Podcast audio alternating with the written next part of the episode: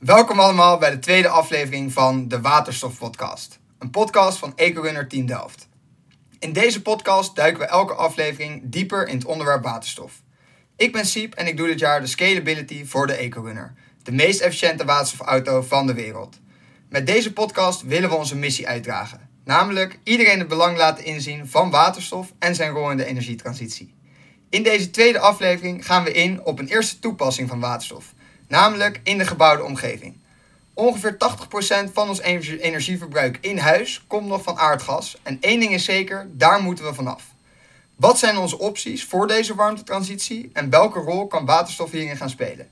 Ik heb het er vandaag over met Albert van der Molen, expert asset management bij Stedin, maar vooral bekend van zijn rol in vele waterstofproeftuinen binnen de gebouwde omgeving. Albert, dankjewel dat je er bent. Met genoegen. voordat, we, nou, voordat we dieper ingaan op de gebouwde omgeving en Stedin, ben ik eigenlijk benieuwd. Waar ben je eigenlijk waterstof voor het eerst tegengekomen? Dat is al heel lang geleden, maar uh, professioneel denk ik de eerste activiteit die ik met waterstof ontplooide bij Stedin, laten we het daar even toe beperken, is op Ameland geweest in 2007. Daar hebben we groene waterstof geproduceerd en die hebben we bijgemengd in het eh, standaard aardgasnet. Ah, dus eigenlijk in 2007 al aan het experimenteren uh, voor Stedin, ook met waterstof. Um, maar voor de luisteraars die eigenlijk Stedin niet kennen, wat doet Stedin eigenlijk? Nou, Stedin is een zogenaamde regionale netbeheerder. Wij transporteren elektriciteit en aardgas tot in de woningen van de eindgebruikers. En dat doen we in een uh, aanzienlijk deel van Nederland. Dus eigenlijk uh, Zuid-Holland, het grootste deel, Zeeland, groot deel van Utrecht, heel klein stukje Noord-Holland en een stukje Friesland. Dus daar zorgen we ervoor dat de infrastructuur voor elektriciteit en aardgas in orde is. Wij maken geen aardgas, wij maken geen elektriciteit, we verkopen hem niet. maar we transporteren en distribueren wel. En dus eigenlijk wat een uh, Tennet in het groot doet met de hoge, uh, hoge spanningsmasten, wat een gasunie in het groot doet met de grote buizen, doen jullie eigenlijk vanaf daar nemen jullie het over van een gasunie of een uh, Tennet en brengen jullie het in onze huizen, als ik het goed begrijp. Dat is helemaal correct. Tennet en Gasunie zijn de landelijke netbeheerders. En daar is aardgas en elektriciteit gescheiden. Tennet elektriciteit, Gasunie, of GTS moet je eigenlijk zeggen, Gasunie Transport Services, het aardgas. En toevallig zit dat bij ons uh, zit dat, uh, onder hetzelfde dak. Ja.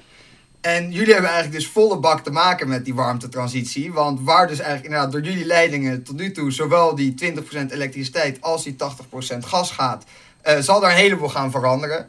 Uh, het is nou eenmaal zo dat 80% van onze energievraag eigenlijk een warmtevraag is in huis. We, willen, we willen douchen, we willen ons huis verwarmen, uh, we willen koken. Wat zijn nou een aantal van de opties waar we tussen moeten kiezen voor deze warmtetransitie? Ja, nou, dat, dat is een vraag die heel veel mensen hebben. En het, het is nogal plaatsafhankelijk. Het is nu zo, one size fits all. Even door de oogharen heen. Ja, er zijn een paar mensen die hun huizen met elektriciteit verwarmen. Er hangen ook wat mensen aan wat warmtenetten. Maar toch, ik geloof dat meer dan 95% van de woningen in Nederland heeft aardgas. En een heel groot deel daarvan, ik denk 99% gebruikt het ook voor verwarming. Uh, dat beeld, als je het maatschappelijk gezien verstandig wil doen, dan zal dat beeld gaan veranderen. Want er zijn plekken waar alternatief A veel verstandiger is en andere plekken alternatief B. En door de oogharen heen heb je eigenlijk drie smaken. Smaak 1, je gaat helemaal over op elektriciteit. Denk dan aan een elektrische warmtepomp. Smaak 2, ga aan een collectief warmtenet. Dan komt er dus warm water via een warmtenet, bijvoorbeeld van de industrie. En smaak 3, doe iets met een duurzaam gas. Dus eh, er is niks mis met gas, er is wat mis met fossiel aardgas vanwege het feit dat het fossiel is, CO2-emissie door de verbranding, er ontstaat nu eenmaal CO2. Maar duurzaam gas zou wel een rol kunnen hebben. Dus die drie smaken en afhankelijk van de locatie en de bouw uh, komt een van die drie als uh, optimale maatschappelijk gezien eruit. Want bijvoorbeeld voor, zo'n, uh, voor een all-electric, wat zijn bijvoorbeeld een paar eisen waar dan mijn gebouw aan moet doen, wil ik volledig op elektriciteit kunnen? Op het moment dat je volledig op elektriciteit wilt met een warmtepomp, want ik ga er even niet vanuit dat je vanmiddag jouw woning, die niet label A is, als ik, als ik het zo zie, dat zou best eens een label C of een label D woning kunnen zijn. Je zou daar natuurlijk straalkacheltjes in kunnen gaan zetten, maar dat wordt dan nogal een dure grap. Om de hele eenvoudige reden dat ehm, als ik kijk naar de prijzen voor de eindgebruiker, dus daar zit dan ook dus voornamelijk belasting. Maar wat jij momenteel voor een kubieke meter aardgas betaalt is ongeveer 70 eh, cent of zo, misschien 80 cent. En voor elektriciteit zal dat een kilowattuur zal ongeveer twee dubbeltjes zijn. Maar 1, kilowatt, sorry, 1 kubieke meter aardgas bevat wel ongeveer 10 kilowattuur aan energie. Dus dat zou dan betekenen dat een kilowattuur aardgas momenteel 7 cent kost en een kilowattuur elektriciteit kost drie keer zoveel. Ja. Dus als je dezelfde warmte nu met straalkacheltjes uit het uh, elektriciteitsnet gaat halen, dan gebeurt er iets met jouw energierekening. Dus dat wil je niet. Ja. En natuurlijk is ook een straalkachel, oh, een straalkachel is natuurlijk vreselijk inefficiënt. En een warmtepomp is juist vreselijk efficiënt, omdat hij natuurlijk warmte verplaatst en het ook, uh, het ook niet Precies. Nou ja, dan heb je een aantal eenheden elektriciteit nodig om meer eenheden warmte te maken. Omdat je dus ook warmte uit of de buitenlucht of de ondergrond of uit water of wat dan ook pakt. En een woning die daarvoor uh, geschikt is, dat is een woning die heel erg goed geïsoleerd is. Omdat warmtepompsystemen over het algemeen lage temperatuurverwarmingssystemen zijn. Dus gaat er nu bij aardgas af en toe wel water van 70 of 80 graden door die radiatoren. Bij een warmtepomp moet je dan denken aan een graad of 30. En dat is dus een heel andere manier van stoken. Dat betekent dus dat je woning erg goed geïsoleerd moet zijn. En dat kan wel eens kostbaar zijn. Als je, dat, uh, als je een, elke woning geschikt wil maken voor een warmtepomp, denk ik dat je niet handig bezig bent. Net zoals het niet handig is om elke woning aan een warmtenet te hangen en elke woning van duurzaam gas te voorzien. Het is altijd een, een en en en zal het waarschijnlijk uh, worden in plaats van of of of in de energietransitie. Het is uh, heel verstandig om te kijken wat waar verstandig is. En dat is iets waar uh, nou, Stedin heel erg veel waarde aan hecht. Want het maakt voor ons nogal wat uit. ja, verwachten wij nou 1% warmtepompen of 90% ja. warmtepompen? Dat maakt nogal wat uit. Dus moeten er überhaupt mensen nog opgeleid worden om iets met duurzame gassen te gaan doen? Of moeten we de gasmensen gaan uitfaseren? Dit zijn belangrijke vragen. Dus vandaar dat Stedin daar uh, onderzoek naar gedaan heeft en nog steeds doet. Dat heet bij Stedin het openingsbod. www.stedin.net slash openingsbod. En daar hebben we voor alle 3500 CBS-buurten in ons verzorgingsgebied in beeld gebracht... wat nou maatschappelijk gezien de, de goede oplossing zou zijn voor die buurt. En ook over bijvoorbeeld die all-electric. Uh, nou ja, op dit moment, uh, ik weet de precieze getalen niet, maar het is ongeveer hebben we een 3 kilowatt elektriciteitsaansluiting zo gemiddeld in de woning en 30 kilowatt gasaansluiting. Kan ik zomaar zeggen, die 30 kilowatt gas, die laat ik zitten en heeft het niet een enorme gevolgen ook voor, voor mijn aansluiting in huis? Ja, omdat die, dat gasverbruik eh, die 80 procent, eh, die zit niet netjes verspreid over het jaar. Die zit in december en januari. En de rest van het jaar doet dat gas net niet zoveel. Dus dat, ja, dat levert een enorme piek levert dat, uh, levert dat op. En dat, dat komt ook tot uiting in het piekvermogen zoals dat beschikbaar is via de elektriciteitsinfrastructuur in Nederland en de, via de gasinfrastructuur. Dan moet je bij elektriciteit in Nederland denken aan ongeveer 20 gigawatt. En voor elektriciteit eh, zit sorry, voor gas zit het toch boven de 300. Dus daar zit nogal een verschilletje in. Ja. Dus eh, daar komt ook nog bij dat elekt eh, de transport van elektriciteit is op dit moment minder robuust dan transport van moleculen via een holle buis, dus een gas.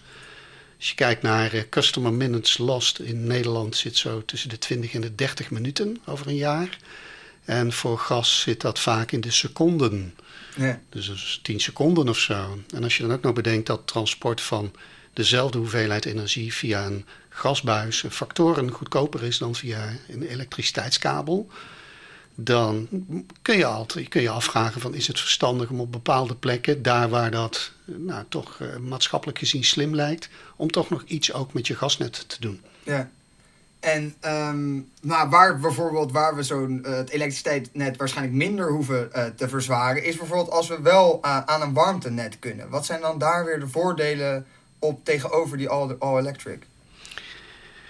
warmtenetten is een beetje vreemde eend in de bijt als je het vergelijkt met de activiteiten van steden in netbeheer. Omdat wij zijn gereguleerd. Dat komt omdat we een natuurlijk monopolie hebben.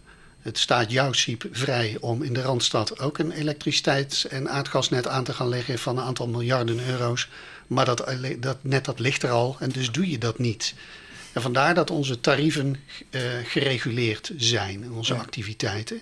In de gaswet staat precies en in de elektriciteitswet wat wij wel en wat wij niet mogen. Warmtenetten is een heel ander verhaal. Dat zijn commerciële producten en een partij zal dus zeggen van nou, het is nu voor mij interessant om dit gebied aan te sluiten op een warmtenet, want ik heb een bron, ik heb voldoende aansluitingen in dit gebied, eh, ik kan mijn infrastructuur kan ik leggen, want het zijn natuurlijk hele andere buizen voor een warmtenet met retourleidingen ook dan wanneer je naar aardgas kijkt. Dus daar zitten nogal wat verschillen in. En over het algemeen is het zo dat uh, warmtenetten die komen uh, vooral bovendrijven daar waar de aansluitdichtheid hoog is, dus dat is niet op het platteland elke kilometer een aansluiting, daar gaat geen enkel commercieel warmtebedrijf een buis voor aanleggen. Dus dat, uh, dat is uh, hoogbouw met één gemeenschappelijke aansluiting beneden. Dat je zegt, ik vervang die, die blokketel, die aardgasketel, door een warmteafleverset. Dan bij voorkeur ook nog een gebied waar al een warmtenet ligt, waar je op aan kan takken. En bij voorkeur ook een gebied waar je bronnen hebt. En dan is het nog goed om onderscheid te maken tussen lage temperatuur en hoge temperatuur warmtenetten. Je zou natuurlijk ook een laag temperatuur warmtenet aan kunnen leggen. Maar ja, dan kom je eerder in de nieuwbouw terecht. Uh, persoonlijk vind ik nieuwbouw niet zo heel interessant. Niet dat ik iets tegen nieuwbouw heb, maar het Planbureau voor de Leefomgeving heeft een aantal jaren geleden de uitspraak gedaan dat uh, van de huidige bebouwing 80 tot 90 procent er nog zal staan in 2050. Dus, dus daar zit de uitdaging. De uitdaging zit niet in de nieuwbouw. En uh, voor zo'n warmtenet, ik, wat moet ik me voorstellen? Is dat een enorme buis? Uh, gaat er ook een extra waterleiding mijn huis in? Of... Ja, dat, nu gaat er een relatief dunne aardgasbuis de woning in. Dan zal dat een, uh, een substantieel grotere buis zijn. Waar warm water doorheen gaat. En dat water moet ook een retour. Dus er moet ja. ook een retourleiding zijn. Uh, ander nadeel van een warmtenet is dat de warmteverliezen natuurlijk, dat kun je iets bij voorstellen. Als jij over kilometers lengte warmte, warm water gaat distribueren, dan koelt dat op een gegeven moment koelt dat af. Dus ondanks het feit dat warmte vaak uh, gebruikt wordt in gebieden waar restwarmte wordt ingezet, bijvoorbeeld vanuit de industrie, is dat in het algemeen niet voldoende om continu voldoende warmte te leveren. Dus in het algemeen zit daar ook nog bijstook bij. En die gebeurt dan met aardgas. Dus de vraag is ook dus... nog hoe groen is hij? Want we hebben natuurlijk, ik, ik denk vaak aan een warmtenet aan um, bijvoorbeeld restwarmte van de, van de industrie. Uh, heb, is dat het grootste deel? Of we hebben natuurlijk ook geothermie. Wat zal dan vooral belangrijk zijn in warmtenetten? Ik denk geothermie is nu nog in de minderheid. Dan denk ik ook eerder aan lage temperatuursystemen. Dus dat zou eerder geschikt zijn, denk ik, dan voor nieuwbouw. Hoog temperatuur warmtenetten. Nou, in Rotterdam ligt in ieder geval uh, een en ander. Het, uh, een warmtenet, en dat is bestaande bouw die minder goed geïsoleerd is. Eenzelfde temperatuurregime als dat je met aardgas zou kunnen invullen. En uh, ja, die, die, dat duurzame, dat is inderdaad een, een, een, uitdaging, ook voor de producenten van warmte. Dus ook zij bezien momenteel de mogelijkheden om iets anders in te gaan zetten voor de bijstook dan aardgas. Nou, daar, komt daar komt ook nog bij dat ja, warmteinfrastructuur meer ruimte kost in de ondergrond en ook factoren duurder is dan de alternatieven. Dus je moet echt een plek hebben waar dat commercieel uit kan. Ja. Want het is niet zo dat er een aansluitplicht is. Dus als ik een warmtebedrijf ben, dan zeg ik: ik sluit jou wel aan en jouw buurman niet. Want jouw buurman is even te duur. Eh, terwijl bij aardgas en elektriciteit mag ik jou niet overslaan. Ja. Oké, okay, grappig. Dus hij kan, het, is, het, is, het ligt zowel bij het warmtenet, maar als ik zeg ik hoef geen warmtenet, dan zal ik waarschijnlijk ook die keuze vrij hebben. Uh, op het moment dat het bestaande bouw betreft, En dat, dat heb je momenteel. En dan moet individueel jouw woning in. Ja, dan, dan hoef, hoef jij dat niet te accepteren. Tenzij er een situatie ontstaat. En dat, ja, dat raakt een beetje aan het programma Aardgasvrije Wijken. Dat er op een gegeven moment iemand kan zeggen, misschien een gemeente, van eh, bij deze melden wij u dat er op een gegeven moment eh, geen aardgas meer is bij u in de buurt. Maar op dit moment eh, is er nog niemand die die doorzettingsmacht heeft. Ik, ik pleit er niet voor dat de netbeheerder die krijgt, dat verwacht ik ook niet. Maar als je er van een afstandje naar kijkt, zou het niet raar zijn als gemeentes op een gegeven moment daarover een knoop kunnen doorhakken. En doe je dat niet, ik vind dat ook een tekortkoming van het programma Aardgasvrije Wijken, dat het instrumentarium ontbreekt. Want dat zou betekenen dat jouw hele buurt zou wellicht van het aardgas af kunnen, maar jij niet. Er is één jij iemand, vertikt wil, het om. Ik kook op gas Ja, jij wil- en ik doe niet anders. Jij wil aardgas houden. Nou, 100 dan moet dus- Ja, Ja, dan moet dat aardgasnet dus gewoon tot in de eeuwigheid blijven liggen voor jou alleen. ja. Dat, dat is de situatie dan Ja, ontstaat. misschien als ik verhuis dat, ze, dat de gemeente er dan wat aan eh, zou kunnen doen. Maar om ja, nou... nou, ehm, wie weet. het, het is eenmaal zo inderdaad dat eh, het warmtenet is niet overal eh, een, een waardevolle oplossing. All electric lukt niet altijd als je niet goed kan isoleren. Bijvoorbeeld, ik woon dan in Delft. Als je hier in de binnenstad staan panden uit 1600, daar moet je maar te hard dubbel glas roepen en dan heb je de monumentenzorg aan je broek hangen. Ehm, is, zijn dit dan van die plekken waar bijvoorbeeld wel een duurzaam gas eh, iets kan betekenen? Ja, technisch kan alles, maar inderdaad, de binnenstad van Delft. Een, een, vriend van mij woont daar ook met glas, enkel glas uit eh 1700 of zo. En als hij daarnaar wijst, dan heeft hij al een probleem. Dus ik herken dat heel erg, wat je zojuist schetste. Eh en duurzaam gas is dan wellicht een oplossing. Ja, kijk, er, er zijn een paar randvoorwaarden, denk ik. ik. Ik stel ze maar even voor mijzelf. Eén, in 2050 willen wij geen fossiel aardgas meer gebruiken om woningen te verwarmen. Twee, we gaan niet de binnenstad van Delft preventief afbreken. Dat gaan we ook niet doen om er allemaal nieuwbouw van te maken. Zou misschien goedkoper zijn, maar dat moeten we denk ik niet doen. Slecht Zonde. idee. En er zijn panden waar je gewoon niks aan kan of mag doen. Of waar je geen warmtebronnen in de buurt hebt, hoge temperatuur warmtebronnen. Of waar je het warmtenet niet kwijt kan in de straat. Bijvoorbeeld Ja. bij grachten en dergelijke in Delft. Het kan wel eens krap worden. Op zulke plekken zou een duurzaam gas eh, wellicht een oplossing kunnen bieden. Ja. Ja, en is eigenlijk daar dan dus eigenlijk mee de, de, dus de, derde, eh, ehm, de derde kleur of de derde smaak, zoals je het zo mooi omschrijft. Is een duurzaam gas dan eigenlijk een beetje een hekkensluiter wat dat betreft? Nou, dat hoeft het niet te zijn. Nee, want ik denk dat als je kijkt naar de energietransitie, dat wordt best een dure grap. Eh, als je dus de alternatieven doorrekent voor een bepaalde buurt, en dat, dat doen we regelmatig bij steden, eh, dan nemen we ook altijd de variant mee dat aardgas gewoon blijft zoals het nu is. Nou, Ja. Dat is een goed controlemiddel. Want als die optie er niet by far als goedkoopste uitkomt, dan heb je gewoon een rekenfout gemaakt. Dus het wordt sowieso duurder. Als je naar all electric gaat, wordt het duurder. Ga je naar een duurzaam gas, wordt het duurder. En ga je naar een collectief warmtenet, dan wordt het ook duurder. En dat betekent dus dat je niet kan zeggen dat duurzaam gas per definitie de hekkensluiter is. Er zijn plekken dat wanneer je kijkt naar de totale kosten, de gezamenlijke kosten van alle stakeholders in een bepaalde buurt. Ik sla zo'n buurt even plat. Ik kijk naar de bebouwing die daar staat, wat voor infrastructuur er ligt, et cetera, eh, isolatieniveau van de panden.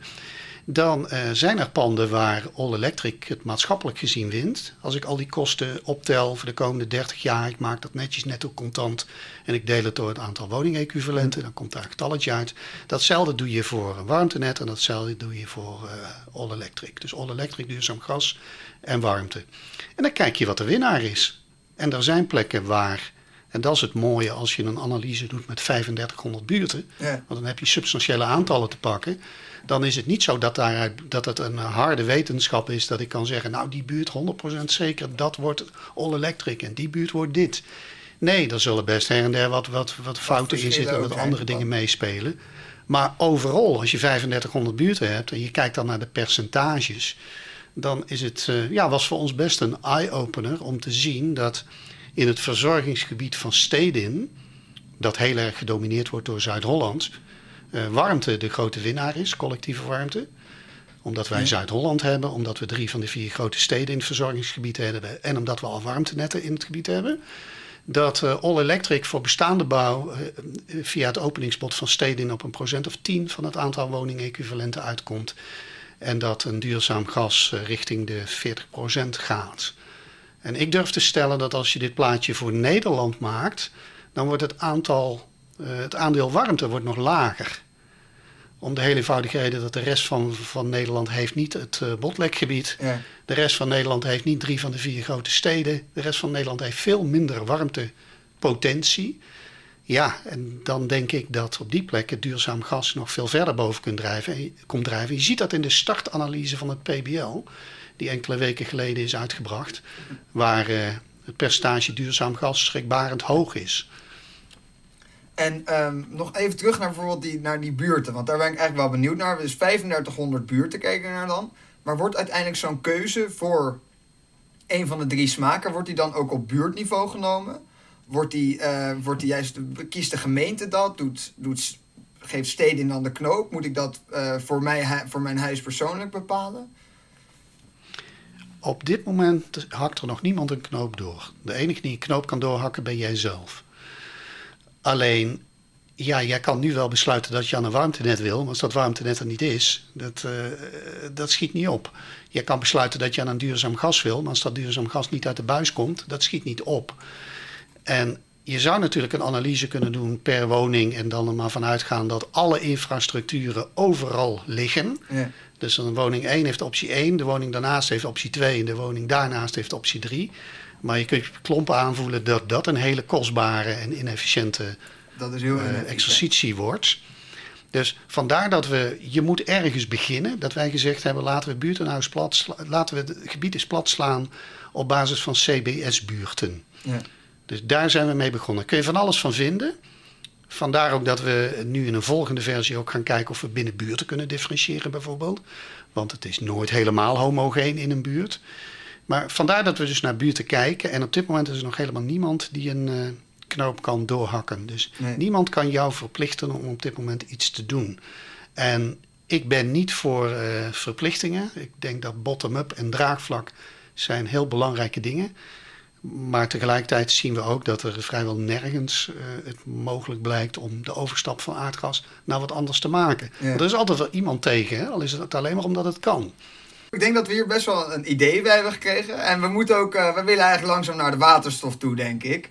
Uh, want als we het over groene gassen hebben, of over duurzame gassen, dan hebben we het nog uh, niet alleen over waterstof. Dan hebben we het denk ik ook over bijvoorbeeld groen gas of uit, gas uit biomassa. Dat is correct. We hebben, nou ja, een, een, boer heeft een vergister of een vergister bij een rioolwaterzuiveringsinstallatie. Daar komt biogas uit. Dat is in feite biogas uit biomassa dus.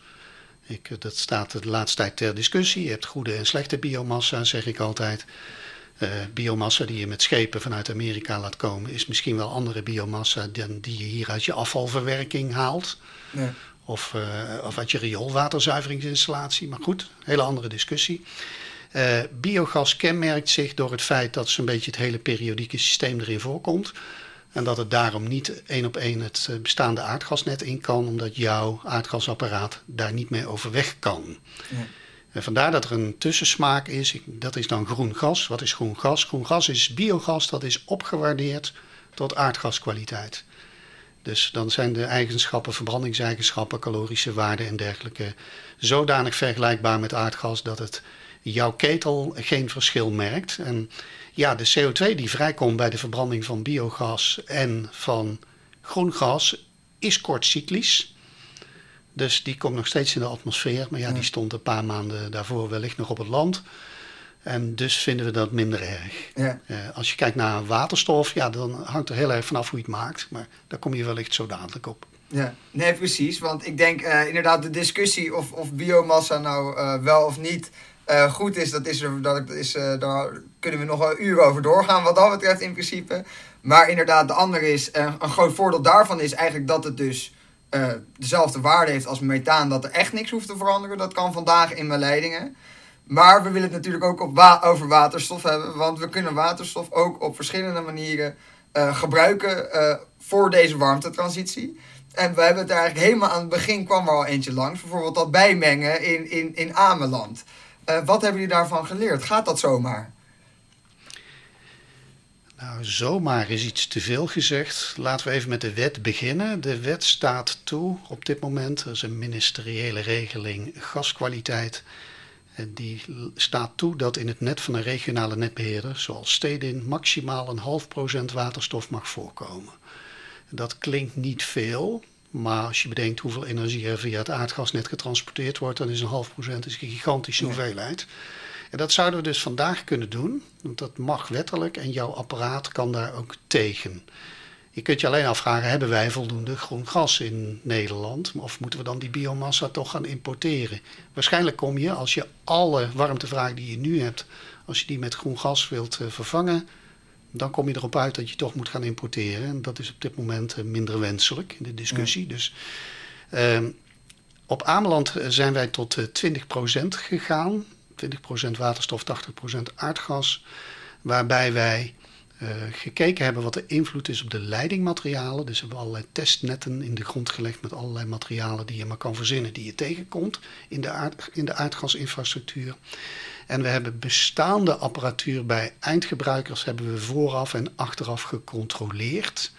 Wij wisten dus wat voor apparatuur er in woningen stond. Dus dat waren geen gijzertjes uit 1950 zonder afvoer, want die kom je ook nog wel eens tegen ergens. Uh, dat waren apparaten die gewoon van die tijd waren. Dus dat waren apparaten van maximaal een paar jaar oud. En uh, nou, dat, dat is op zich uh, prima gegaan. Maar ja, daar haal ik meteen al een heikel punt aan. Wij wisten wat voor apparatuur daar achter de meter, zoals dat heet, dus in de woningen aanwezig was. Normaal gesproken weten we dat niet. Ik mag niet weten wat jij achter de aardgasmeter allemaal doet. Dat is volledig vrij. Sterker nog, dat is privacygevoelig. Dat mag ik niet eens weten. En als ik nu 20% in bestaande aardgasnet in Delft zou stoppen, uh, sluit ik niet uit dat er toch her en der wat veiligheidsissues op gaan treden, omdat er apparatuur aan het net hangt die daar niet tegen kan. Dus je kunt dit niet één op één zomaar nu in Nederland implementeren. Nee. Ja. Um, maar in ieder geval, uiteindelijk is dat, dat bijmengen is denk ik uh, niet future-proof. Dat is, we zijn uiteindelijk dan nog steeds met aardgas uh, bezig. En bijvoorbeeld, een beter voorbeeld is uh, in Rozenburg eigenlijk wat jullie daar hebben gedaan. En dat was zelfs eigenlijk een wereldpremier. namelijk met 100% waterstof huizen verwarmen. Wat hebben jullie daar allemaal van geleerd? Hoe, hoeveel moest daar veranderen aan, aan wat daar lag? Nou ja, ten eerste, je, we wilden dat ook groen doen. Dus we produceren daar, as we speak, uh, groene waterstof. Dat is ook nog een heikel punt. Want ja, Stedin mag niet produceren. Maar ja, we maken wel wat. Het is maar heel weinig. Dus het doel van Stedin in Rozenburg is ook niet om woningen te verwarmen. Het doel is om te laten zien dat, er, dat je de keten compleet kan maken. Dat je op kleine schaal groene waterstof kan maken dat je die waterstof kan transporteren via een bestaande aardgasleiding waar we niets, letterlijk niets aan hebben aangepast. Uiteraard controleren we hem goed, of die geschikt is voor waterstof, of die netjes dicht is. En uiteraard je eindgebruikersapparatuur moet worden aangepast. Dus daar hangen op dit moment drie verschillende 100% waterstof CV-ketels van drie verschillende uh, fabrikanten. En die doen het uitstekend. En ik had natuurlijk die ketels uh, buiten op straat kunnen hangen en de warmte die geproduceerd wordt door die ketels uh, de lucht in kunnen spuiten. Vind ik niet zo duurzaam. Dus vandaar dat we gezegd hebben: we hangen die ketels in een appartementencomplex. Naast een bestaande hele grote aardgasketel die dat hele appartementencomplex van warmte voorziet. En de warmte die wij maken met onze waterstofketeltjes, via een warmtewisselaar geven we die cadeau aan het waterzijdig deel van de bestaande aardgasinstallatie. Dus het doel is niet te woningen te verwarmen. Het doel is te laten zien dat het kan. En als we die warmte dan ook niet nog de lucht in hoeven te spuiten, is ons dat wat waard. En ik denk ook, ja, bij de productie gaat het ook zeker als we grootschalig waterstof, uh, als we het daarover gaan hebben, um, dan is de productie ook een probleem. Want 100% waterstof in, bij wijze van 30, 40% uh, van alleen al stedins uh, werkgebied voorzien om voor, voor de warmtevraag dat is echt een enorme hoeveelheid waterstof die we dan moeten gaan produceren. En die waterstof hebben we in, op nog veel meer plekken nodig, denk ik ook. En als het gaat om distributie, dan hoeft waarschijnlijk uiteindelijk Stedin geen waterstof meer te produceren. Want dan hopen we dat tegen de tijd dat we echt gaan opschalen, dat uh, dat netwerk daar, daar is en dat het er ligt. Wat ik zelf een hele interessante oplossing vond, was eigenlijk een warmtepomp waar je ook bijvoorbeeld waterstof of aardgas in kan gebruiken. Hoe werkt dat? Ik neem aan dat je dan doelt op een hybride warmtepomp. Ja. Dus dat betekent dat een deel van het jaar uh, de warmtepomp uh, de warmtevoorziening regelt. En een uh, ander deel van het jaar, als dat nodig is, dat er bijgesprongen kan worden met of waterstof of groen gas of wat dan ook. En op zich zit daar wat in. Ik denk dat dat een interessante variant is. Tegelijkertijd moet je niet vergeten dat het moment dat je echt warmte nodig hebt, zit in de winter. Ja. Dus dan moet je echt je duurzame gas aanspreken. In de zomer, ja, dan doet die warmtepomp het. Maar ja, heb ik ook heel weinig behoefte Ja. aan warmte. Dan lijkt het mij juist mooi dat die energie, die zonne-energie, windenergie bijvoorbeeld, die wij juist, of vooral zonne-energie dan, die we in de zomer eigenlijk hopelijk in de toekomst gaan overhouden, eh, dat we die voor die seizoensvraag juist kunnen opslaan in waterstof. Want natuurlijk, opslag van energie is ook veel voordeliger als molecuul dan in bijvoorbeeld een batterij. En dat we bijvoorbeeld die waterstof zouden kunnen gebruiken voor eh, die warmtevoorziening in de winter. Of zeg ik dan, eh, ben ik dan te kort door de bocht? Nee hoor, ik denk dat dat helemaal geen gekke gedachte is. Het hele idee dat we momenteel seizoensopslag hebben eh, met aardgas komt door het feit dat we het grootschalig kunnen opslaan in Nederland. Onder andere in het eh, oosten van Groningen ligt een fantastisch mooie gasopslag in Zuidwending. En daar worden al eh, tests gedaan om te bezien of die ook geschikt zijn voor waterstof. Want zoals wij het nu doen met lokale productie, her en der wat kleine dingetjes. Goeree Overflakkee willen we wat.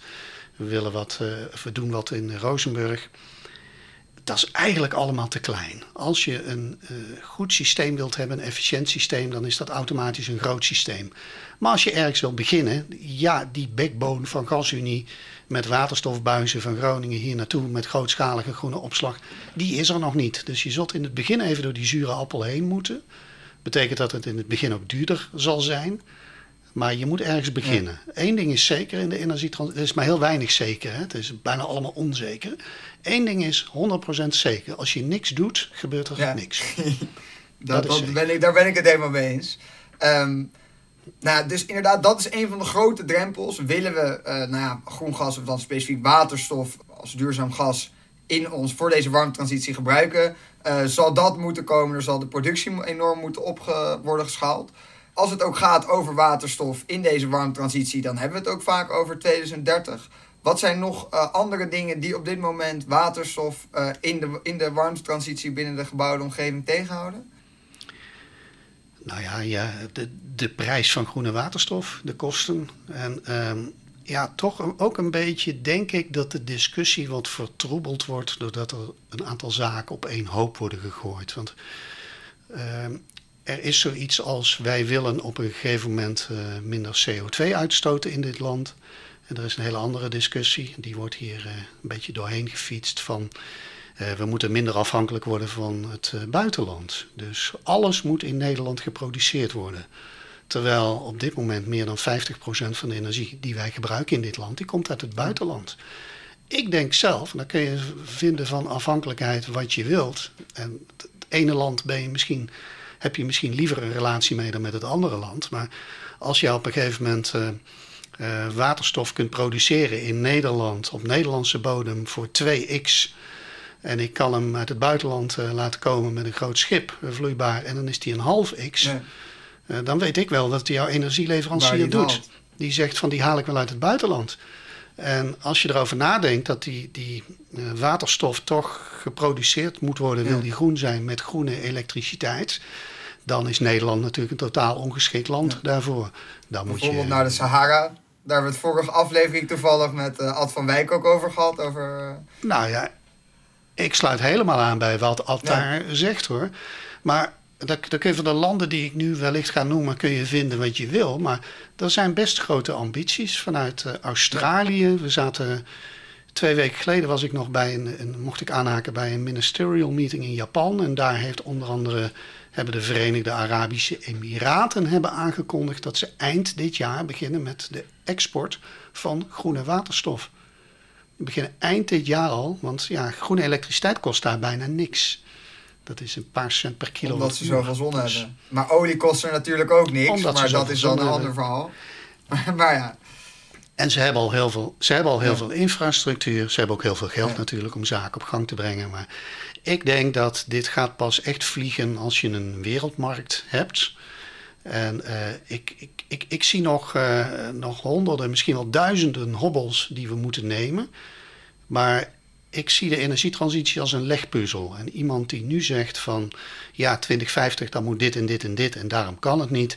Dan denk ik, jij wilt die legpuzzel van duizend stukjes in één keer leggen. Uh, ik doe dat niet. Ik begin altijd bij de rand bij een legpuzzel en af en toe komt er een stukje bij. En een van de eerste stukjes die ik zie van laten we nou gewoon eens in de gebouwde omgeving eens laten zien dat het kan. En vandaar dat ik heel blij ben dat uh, gisteren uh, officieel bekend is gemaakt dat Stad aan het Haringvliet, een dorp op Goeree-Overflakkee, in de prijzen is gevallen voor wat betreft het programma Aardgasvrije Wijken. En de landelijke overheid heeft gezegd dat 5,6 miljoen euro, er is meer nodig, maar dat is een mooi begin, wordt toegekend om de stad aan het Haringvliet in 2025 over te zetten op 100% waterstof. Oh, Dat helpt. Nou, ik denk uh, de, het eerste kleine puzzelstukje, ik vind het eigenlijk een heel mooi uh, eindpunt. Ik denk dat we een best wel goed idee hebben gekregen uh, van wat er allemaal speelt in die warmtetransitie in de gebouwde omgeving.